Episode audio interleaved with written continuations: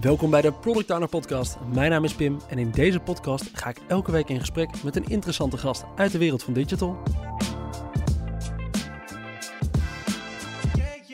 Deze week spreek ik met Willem. Ooit begon hij zijn carrière op de Koninklijke Militaire Academie om vervolgens in dienst te treden bij de landmacht. Maar na een paar jaar wisselde hij van koers. Hij werd producer en productmanager bij speelgames. Ging aan de slag als Scrum Master bij Team 51 en de persgroep en werd Agile Coach bij ProAwareness. Ondertussen is Willem directeur operations bij misschien wel de grootste Scrum trainer van Nederland, de Xebia Academy. En is hij al bijna vijf jaar gecertificeerd trainer van Scrum.org. Maar waar ik hem van ken, hij is een van de schrijvers van misschien wel het tofste product boek van Nederland, 50 tinten nee. Hoe kom je nou tot het punt dat je besluit een boek te gaan schrijven over hoe je als product owner nee kan zeggen? Nou, op een vrijdagmiddag met een biertje erbij natuurlijk. Maar de stappen daarvoor zijn interessant. Hoe is het ontstaan uit een vraag die vaak voorbij kwam tijdens trainingen? Hoe zeg ik dan nee? Hoe bewaak ik mijn backlog? En op een manier dat de punten met echte klantwaarde bovenaan blijven staan. We gaan met Willem in gesprek over backlog management, stakeholder management en het ontstaan van het boek. Oh ja, en hoe je als PO gewoon goed je shit op orde houdt. Hey Willem, super tof dat je hier vandaag bent en dat je wilde aanschuiven in de studio. Graag gedaan, leuk. Hey, van die uh, KMA-structuur naar de agile flexibiliteit. Uh, wat is dan de grootste stap achteruit die je maakt? Uh, de, de landmacht is denk ik het meest wendbare bedrijf uh, van Nederland. Oh, is het zo? en dat denkt niemand. Dat ja? snapt niemand. Want die denkt, ja, de overheid is allemaal traag en is allemaal moeilijk en zo. Uh, maar kijk, in, ik denk dat wendbaarheid in de organisatie, uh, zelforganisatie gaat over het feit... hey, ik zet een stip op de horizon en die kant gaan we op en go. En ik hoef niet in te grijpen, want we fixen het gewoon. Ja. Nou, dat heb ik bij de landmacht aan een lopende band meegemaakt. En in het bedrijfsleven toch een stuk minder. Oh, wat goed. Kunnen we daar eens in meenemen? Want inderdaad, in mijn gevoel is ah, landmacht, Koninklijke Militaire Academie... dat is heel puntsgewijs. Daar hebben we dit als doel staan, daar gaan we heen. Ja, je hebt eigenlijk vanaf onderaf niks te zeggen. Ja, nou dat is, uh, dat, zo wordt het ervaren, maar dat is natuurlijk ook hoe je daar als leider zelf mee omgaat. Uh, ik bedoel, uh, even dan in mijn eigen geval, ik was een jaar of 19, toen kwam ik van de academie af. En dan heb je een ster op je schouder, dan ben je de, de baas van het peloton. Er staan 25 mensen staan naar je te kijken. nou, doe het maar en, en, zeg maar wat we moeten gaan doen, beste luitenant. Ja. En tegenover mij staan die mensen, ja, die weten veel meer dan ik. Dus waarom zou ik gaan vertellen wat we moeten doen? en hoe ze het moeten doen, dat weet zij veel beter. Ja. Um, dus daar gaat het over, hé hey jongens, ik maak duidelijk waar ik heen wil. Ik maak duidelijk wat de doelstelling is, wat we willen bereiken, wat we moeten bereiken. En mogen jullie het gaan doen. Oké, okay, dat was eigenlijk ook al gewoon een beetje mensen meenemen in de visie van daar gaan we heen. En ja, nemen jullie mij maar ook maar een beetje mee in het verhaal welke stappen we dan moeten zetten om daar te komen. Ja, precies dat. En oh. daarom op vanaf dat, hè, vanuit dat perspectief is zeg maar, uh, was het een heel wendbaar team. Want uh, die wisten precies hoe ze de apparatuur moesten bedienen, hoe ze voortgang moesten boeken, hoe ze uh, ja, hun systemen moesten onderhouden. En met een duidelijke opdracht konden ze aan de slag en hoefde ik zelf weinig te doen. Uh, en dat heb ik dus, ja, wat ik zei, een beetje gekscherend natuurlijk, maar in het bedrijfsleven maakt dat een stuk minder mee. ja, dat is misschien wel zo. Hoe lang heb je bij de landmacht gezeten uiteindelijk? Uiteindelijk uh, vijf jaar. Vijf jaar? Dus een uh, aantal jaar nog in, uh, maar anderhalf jaar een beetje in opleiding. kort model, hier in ja. het prachtige Breda. Dus mooi om ah, even terug te zijn. is dat. ja. En vier jaar nog open apparaat gezeten bij een eenheid in dus zowel Havelte als Garderen. Oké, okay, oké. Okay. En wat was daar in je laatste rol waarna je uiteindelijk weg bent gegaan bij de landmacht? Uh, in de laatste rol was ik uh, uh, pelotonscommandant bij een eenheid in het, het, Harde. Ik zei het Havelte, maar het is het Harde. En ja. die deden elektronische oorlogsvoering. Nou, dat klinkt heel stoer. Dat is eigenlijk per saldo een grote apparaat, een grote panzerwagen waar een, soort, een aantal soorten waren er. Er staat een antenne op. En die kan je twee manieren gebruiken. Eén, je gebruikt de drie om uit te peilen waar radioverbinding vandaan komt. Of ja. je gebruikt om radioverbinding te storen. En uh, met die apparaten werd er in, nou ja, onder andere Afghanistan toen de tijd uh, rondgereden om te kijken, hey, waar komt nou uh, de, ja, de, de, de radiosignalen van de vijand vandaan? Om op die manier peilingen te kunnen doen. Tof.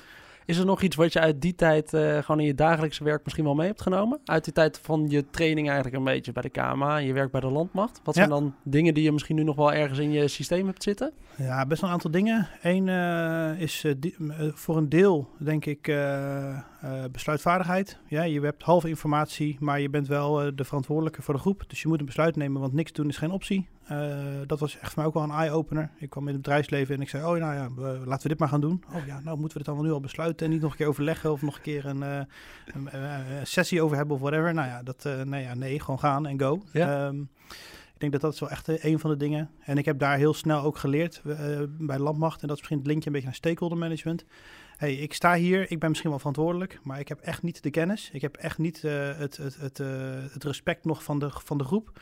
Dus ik moet die mensen voor mij in gaan zetten. En uh, ik moet de mensen voor mij kunnen winnen. En dat doe ik volgens mij door naar ze te luisteren, door ze te helpen, door mee te doen. en op die manier de relaties gaan bouwen. Ja. En soms doe je dat ehm, heel onbewust, doordat je gewoon jezelf openstelt als mindset en dan gaat het gewoon. En soms uh, nou, is het ook wel een beetje een spelletje en doe je het wel een beetje stiekem bewust. Dus uh, nou, ik weet een andere leuke anekdote, maar uh, ik ging een tijdje lang bij Landmacht elke vrijdagmiddag. Wist ik van, ik heb die jongens van de hersteleenheid die onze voertuigen onderhielden. Die heb ik hard nodig. Die moeten ons onderhoud aan onze voertuigen doen. Dus we moeten een relatie gaan bouwen. Dus elke vrijdagmiddag nam ik iemand uit mijn peloton mee. Soldaat, corporaal, manschap. Ik zei, stap in de auto, we gaan sausijsbroodjes halen. En met de sausijsbroodjes onder de arm gingen we naar de hersteleenheid. En gingen we een mooie relatie bouwen.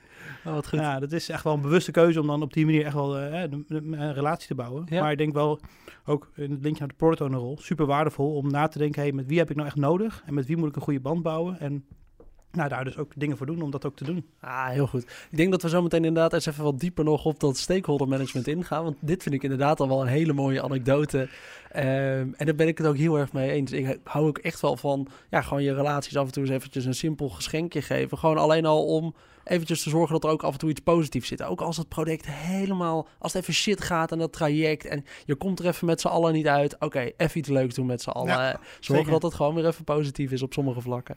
Ja, dus... ja, en ik vind het ook wel moeilijk om te zeggen, merk ik. Want ik vind het ook, het, het, het is een beetje zo'n zo dubbel snijvlak. Enerzijds is het uh, denk ik nodig en moet je het doen. Anderzijds kan het ook wel een beetje als uh, flauw worden ervaren of een ander soort woord. Van ja, goh, op die manier moet het nou. Ja, maar ja, weet je, als het... Uh, je moet, ik denk, het, nogmaals, onderaan de streep belangrijk om relaties te bouwen. En dat kan je op verschillende manieren doen. En uh, dat was er één van. Dat was er één van. De Sausijse broodjes en hier in, in Breda misschien nog wel meer de worstenbroodjes. Zorgen dat je ze af en toe even ja, meeneemt. zeker, zeker. Hey, en na die periode bij de landmacht, uh, dan kom je in aanraking met Agile voor het eerst ergens. Dan ga je voor het eerst in zo'n soort rol werken. Ja. Hoe kwam je erbij om die stap te gaan maken naar het, uh, naar het wereldje waar Agile in één keer een ding in was? Ja, Agile was denk ik meer bijvangst. Ik ben uh, vanuit de landmacht uh, even een tussenstap gemaakt bij een organisatie om gewoon eens het bedrijfsleven leren, te leren kennen. En vanuit daar te gaan oriënteren. Nou, via mijn zus kwam ik toen op het spoor van speelgames. Ja, super tof bedrijf, jong bedrijf, heel leuk. Spelletjes maken ze, echt iets voor jou, lekker creatief en go. Nou, ik zeg, nou prima, okay, ik ga wel bellen. En via een connectie van mijn zus, nou ook weer in het kader stakeholder management, connecties en dat soort dingen. wel mooi natuurlijk.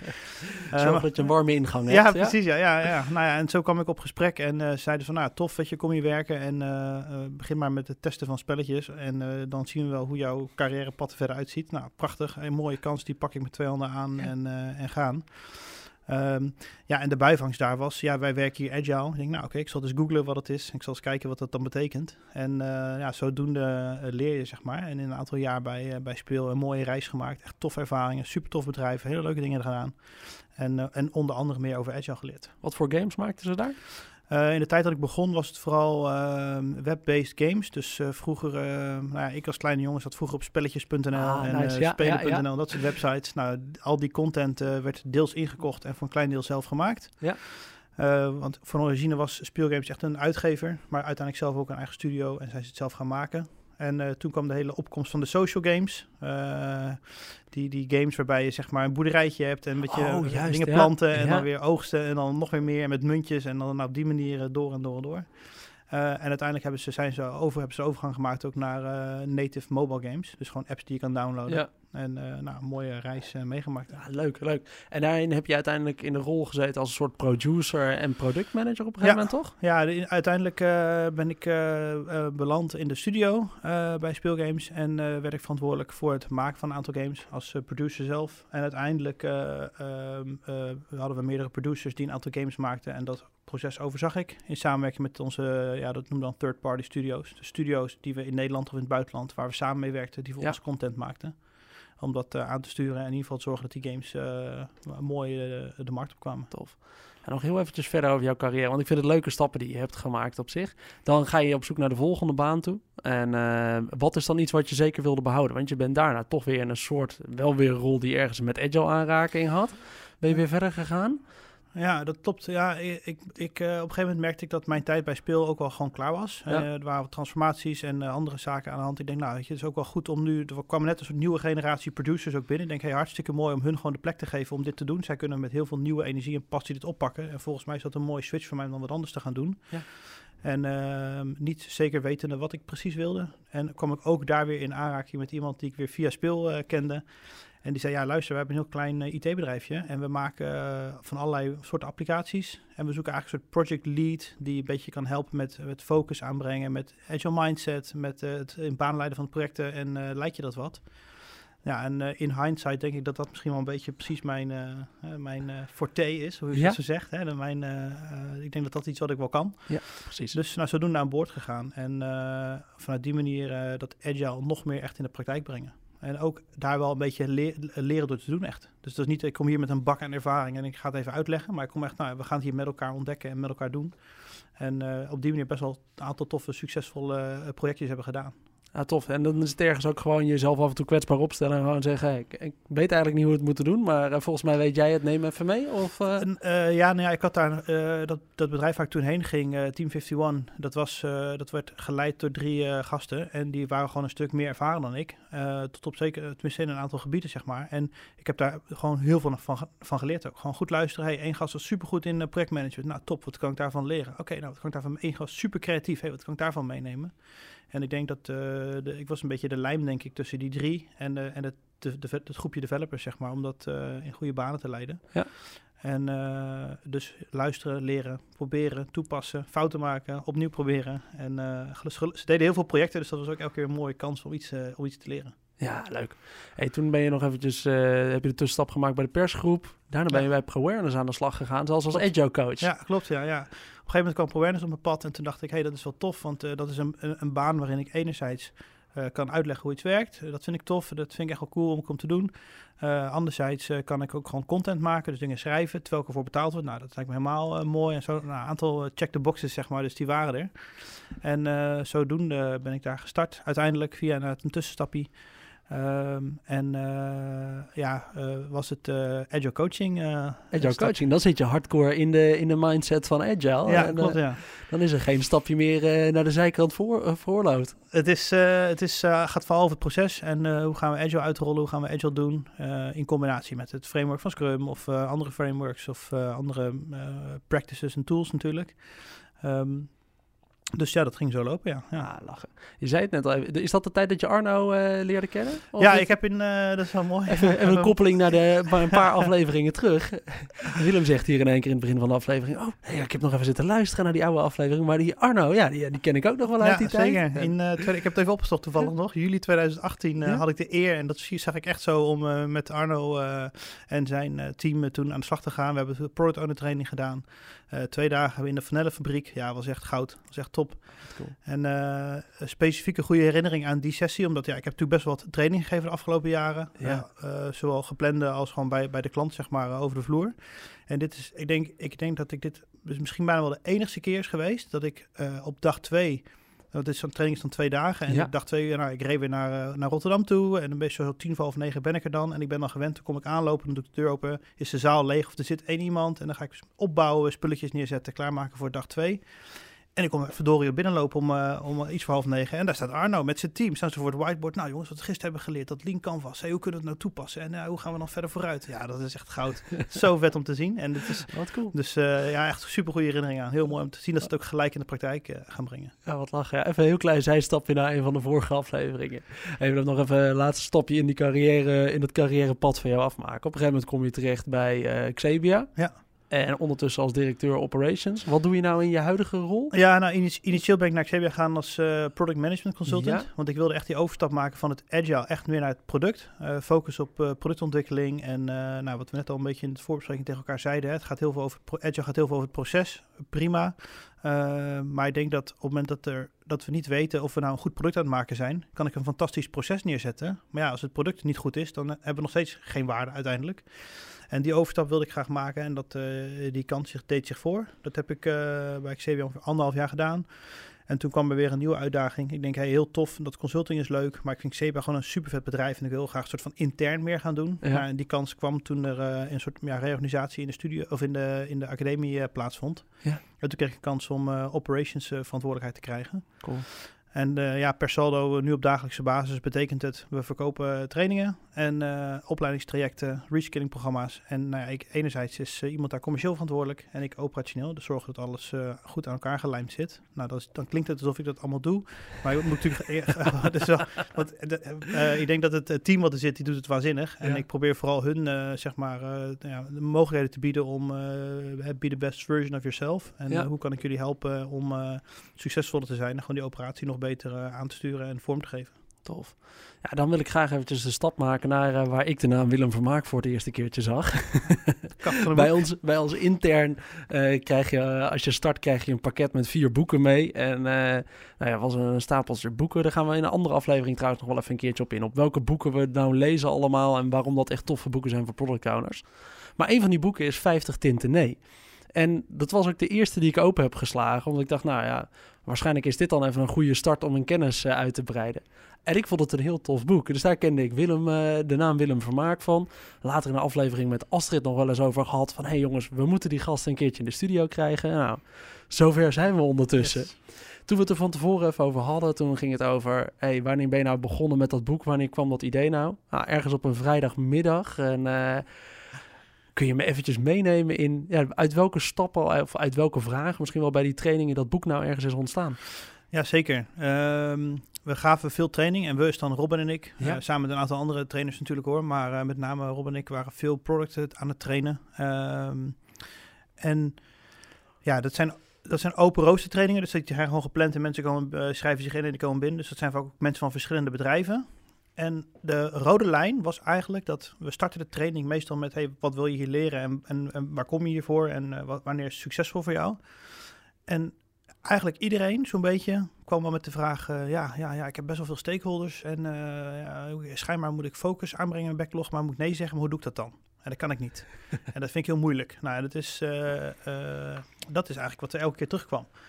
En eh, de credit gaat dan even naar, een- even als ik het goed heb onthouden, naar een andere collega weer toen de tijd bij, uh, bij ProEnnis. Die heeft ooit de eerste keer gezegd van, ja, nee zeggen is niet moeilijk, er zijn wel 50 tinten nee. Nou, dat werd een beetje de running gag eh, zeg maar binnen de trainersgroep. Dus eigenlijk elke keer als we training gaven, dan wacht je een beetje op dat moment dat ergens in die training die vraag weer opnieuw naar boven kwam. Je wist dat hij toch wel kwam. Ja, die kwam sowieso, dat 100%. en dan was het, nou nee, dat is eigenlijk helemaal niet moeilijk om nee te zeggen. Er zijn wel 50 tinten nee. En nou, lachen en uitleggen natuurlijk. En zodoende is inderdaad, nou precies wat je zegt, een keer op vrijdagmiddag zat ik met Robin en, en, eh, en Robin en ik bespraken dat met elkaar. En zeiden, hey Robin, maar zouden we ook niet gewoon eens echt 50 tinten nee kunnen verzinnen? Zijn ze er wel echt, vijf- of we zeggen dat wel, maar eh, nou, en toen, nou, laten we eens gewoon eens gaan schrijven. Een soort Excelletje, echt een heel plat Excelletje. Nou, dit en dit. Ah, dit is leuk, dit is leuk, dit is leuk, dit is leuk. Ja, toen eh, waren het er 89. Ja. Dus kan nog een deel 2 komen. Ja, even voor luisteraars die het boek niet hebben gelezen. Wat is eh, een tint nee bijvoorbeeld? Eh, Ja, nou waar het over gaat is, uh, nou voor je heel plat gewoon... Uh, ja, eigenlijk, eigenlijk misschien even wel heel plat en, en eventjes een klein beetje de gedachte eromheen ja, misschien. Ja, ja, ja. Nou, het, is, het, is, uh, het, het, moet je helpen om nee te zeggen vanuit verschillende perspectieven. Dat is uiteindelijk waar het op neerkomt. Want uh, niet elke stakeholder is hetzelfde, niet elke product owner is hetzelfde. Dus als jij weet wie jij bent, als jij weet wie je stakeholder is, dan kan je daar een nee op aansluiten. En... Uh, uh, dus het kan zijn, hey, ik heb een stakeholder die heel erg uh, vanuit de klantkant redeneert. En dan kan je iets zeggen als in, nee, dit kunnen we niet bouwen, want dit is echt niet waar de klant om vraagt. En dan zal hij dat misschien beter begrijpen, want ja, oké, okay, nou, ik, ik, ik, ken die klant ook en vanuit die hoek snap ik dat wel. Uh, of uh, ja, nee, dit kunnen we nu niet doen, want dit heeft echt een veel te grote impact op ons technisch landschap, bijvoorbeeld. Nou, een hele andere hoek weer. Of nee, ja, dit, hier hebben we geen funding voor. Nou, en op die manier, vooral het, het, het, ik denk niet eens dat het zozeer gaat over de 50 tinten. Ik denk dat het vooral gaat over de trigger. Denk na over vanuit welke hoek je de nee, uh, de nee wilt aanvliegen. Ja, waarom moet je nou nee zeggen als product owner? Ja, anders wordt die waslijst zo lang, hè? Dan uh, is het geen uh, backlog meer, maar een soort van... Uh, Verzamellijst met ideeën. ja joh, dat is echt... en ik denk dat je dat zou moeten willen voorkomen. Ja. want een van de Scrum Values, focus, die wil je gewoon aanbrengen. Weet je, het is... Het is en dat probeer ik ook echt in de training bijvoorbeeld ook echt te benadrukken. Ik teken de elementen van, nou, je hebt een product backlog, je hebt je stakeholders, je hebt een product owner, een prullenbakje naast je product backlog. En hey, er komen ideeën van, van, uh, van de stakeholders, komen ideeën. Nou, heel vaak gaan ze terug naar de stakeholder. Nog even niet, of misschien later, of denken nog eens over na. heel vaak gaan ze naar het prullenbakje. Van nou, dat gaan we nu niet doen.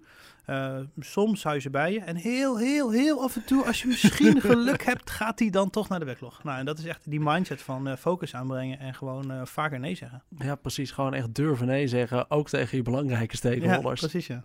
ja. Hoe zorg je dan inderdaad dat je, want je wil dan toch als product owner, moet je de baas blijven over je backlog.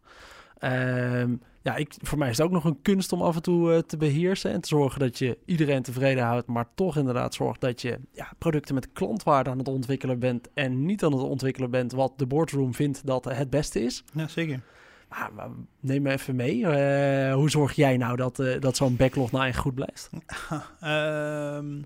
ja, het is, ik denk het, uh, het geëikte verhaal ondertussen wel een beetje. Ja. richting, daar begint het mee. Waar willen we heen? Wat is belangrijk? Lange termijn, wat is belangrijk? Korte termijn, dat moet je volgens mij super scherp hebben. Want anders, ja, dan, uh, en volgens mij zei Astrid dit ook al, anders ga je rennen. Maar ja, je kan heel hard de verkeerde kant op rennen en denken dat je heel succesvol bent, maar gewoon de race verliezen. Uh, dus ik denk dat dat key is. Weten waar je heen wil, weten welke focus je hebt, wat je probeert te bereiken. Ehm, en dan ook goed te luisteren vooral dus wat is, wat is, waarom vragen mensen dingen? Uh, en waarom vragen ze dat dan ook? Dus dat je ook begrijpt een beetje de, de vraag achter de vraag.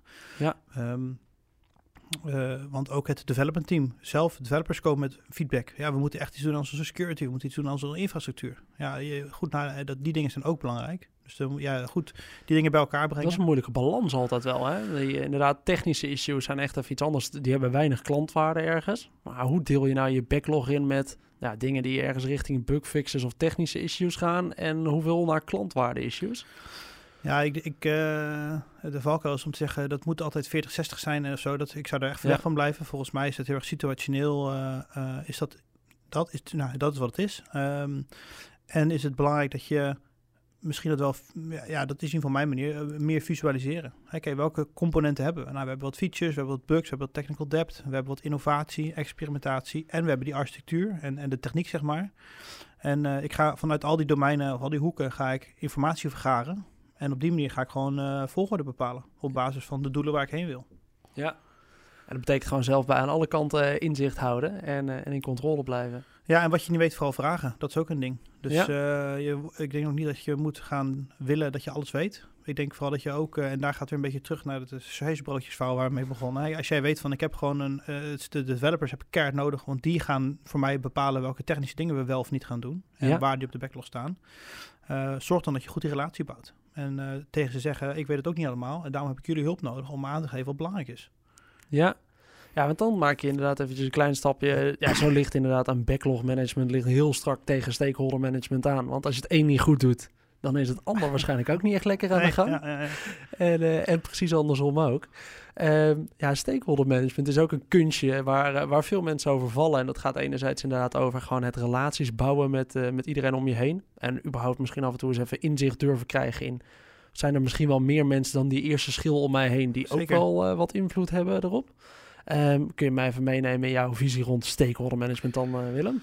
Ja, nou, je zegt het zelf al een beetje. Relaties bouwen, dat is volgens mij goud. Ja. Uh, goed nadenken over welke relaties je met wie wil bouwen. Sommige mensen zijn heel belangrijk voor je, dus daar moet je veel tijd in investeren. Dat zijn niet altijd mensen die je leuk of aardig vindt. Dus dan is het ook nog een beetje je eigen ego in toom kunnen houden. Want dat ziet dat in de training ook vaak naar voren komt. En ook in de consulting wat we doen uh, uh, in samenwerking met de mensen. Van ja, je, je moet goed met uh, Jantje gaan samenwerken. Ja, maar Jantje, pff, die is zo moeilijk altijd. Oh, die vent die kan ik niet uitstaan. En dan komen allemaal redenen waarom die heel vervelend is.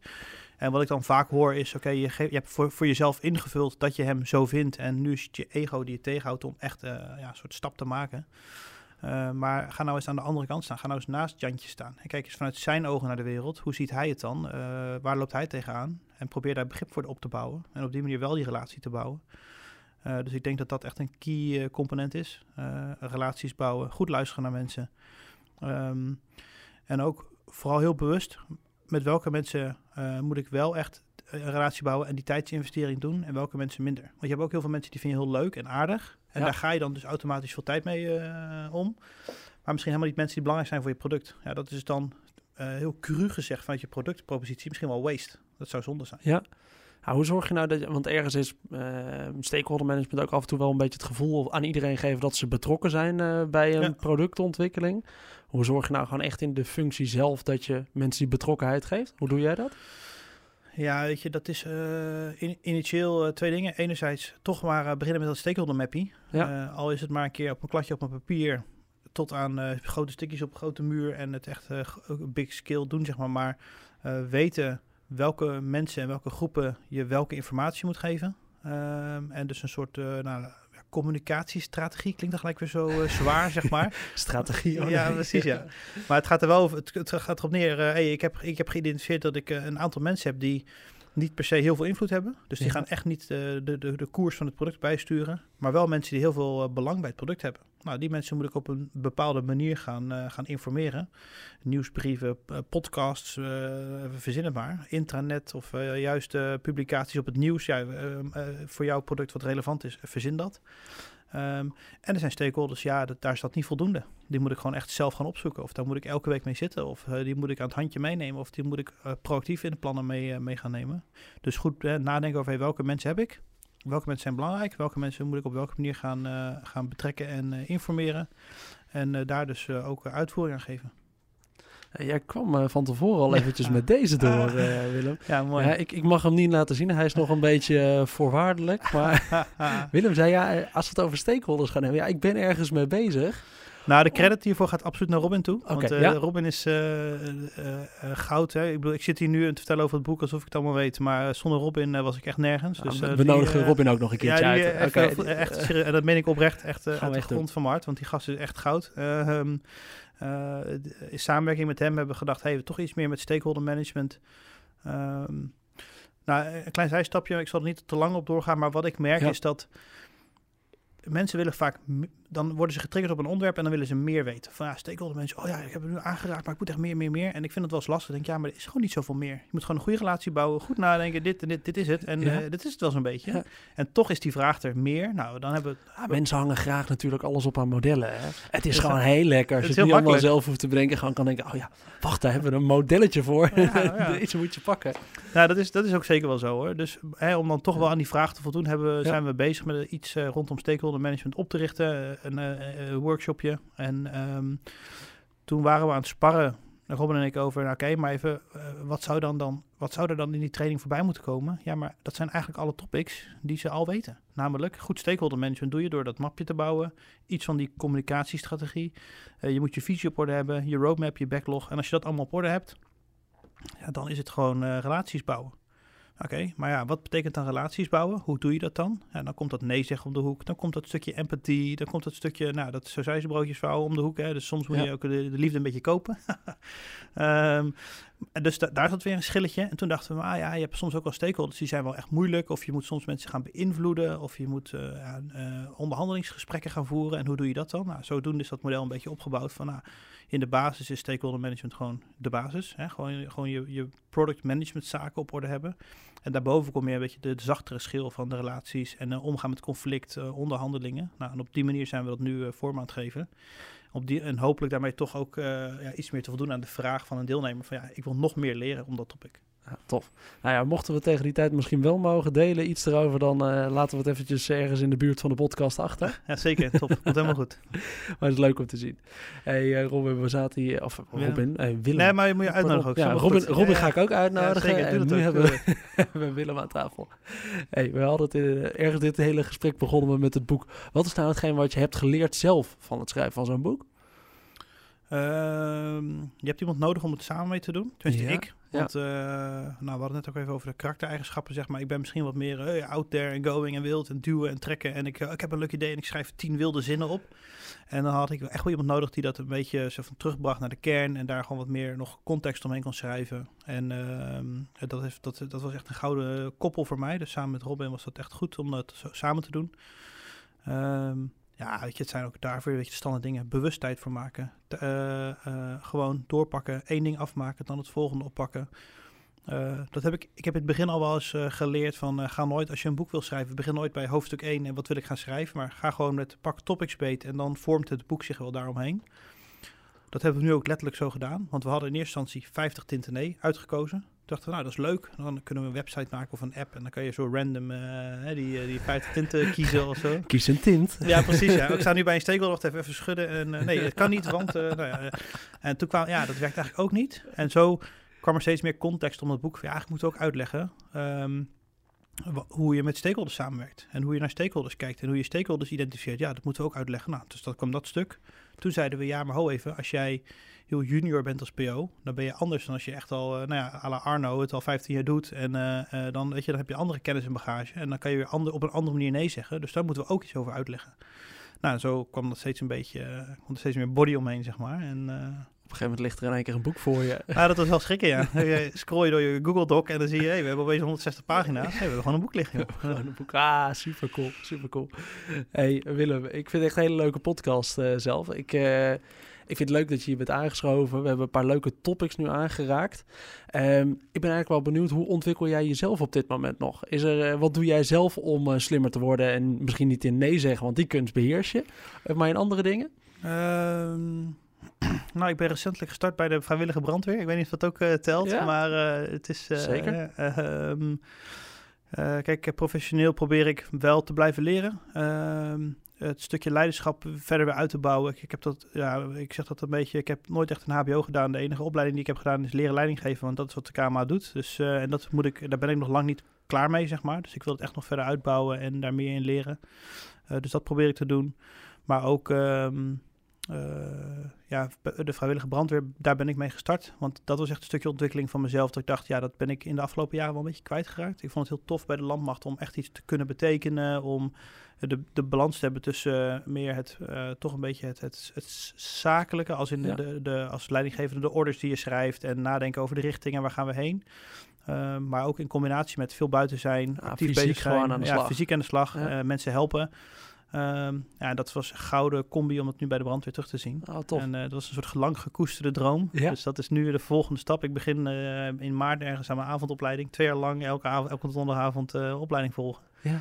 En ik heb daar super veel zin in. Ja, nou, Eh, dat snap ik. Dat is echt wel, je, hoe ontwikkel je jezelf? Ik geloof echt wel dat je jezelf eh, mooi door kan ontwikkelen door dat soort vrijwillige functies te vervullen. Ja, zeker. Nou, dat hoop ik in ieder geval wel. Ook mezelf daar een keer tegen te komen en eh, goed uitgedaagd te worden daarin. Tenminste, dat word ik op mijn werk uiteraard ook. Maar daar is het vooral meer op het, eh, eh, ja, gewoon hoe gaan we de volgende stap maken. Ja, precies. En nu ook weer een beetje het fysieke en eh, daar ook weer mooi de grens op te zoeken. Ja, tof. Nou, tof. Ik heb het nog niet eerder gehoord, maar eh, Willem vertelde mij aan het begin van de aflevering. Ja, jij eindigt altijd met zo'n vraag. En ik ben er echt even over na gaan denken. Ja, Want mooi. het is altijd een beetje een vraag die ik stilhoud. En alleen gasten die hele afleveringen goed hebben afgeluisterd, die komen erachter dat ik eigenlijk altijd aan het einde de vraag wel stel. Ja, Eh, ja, ja. hey, wat is nou de grootste les die jij 18-jarige Willem zou meegeven? Ja, ik was, was gewoon bang dat die zijn Ja. komen. Hè. Dus ik heb wel, hier heb ik veel te lang over nagedacht. Dus, Oh, dat, nee. dus dat is helemaal niet goed. verkeerd. Ja. Ehm, maar ik denk alles bij elkaar genomen. Ik wou iets, ik wou iets gaan zeggen over heel eh, proactief zijn en besluitvaardigheid. Want dat vind ik in het bedrijfsleven af en toe echt nog wel missen. En dat maken we veel te moeilijk. ja. En toen zat ik, eh, volgens mij was het Marieke die zei eh, jouw podcast eh, geduld en rust. Ja. Dus toen dacht ik, ja shit, nu ga ik zeggen, je moet heel proactief en besluiten nemen en go. En zij zei heel erg geduld. En toen bedacht ik me, nou ja, een van mijn main inspirators van de afgelopen jaren, iemand die me echt, die waar ik echt ja, veel van heb geleerd, is Jocko Willink. Echt een gouden gast. Cool. En, ehm, Extreme ik ownership heb, ja, precies. Ja, ja. Ik heb het geluk gehad om ooit een keer naar een van zijn musters te kunnen zijn. Ook, dat is uh, 2,5 jaar geleden.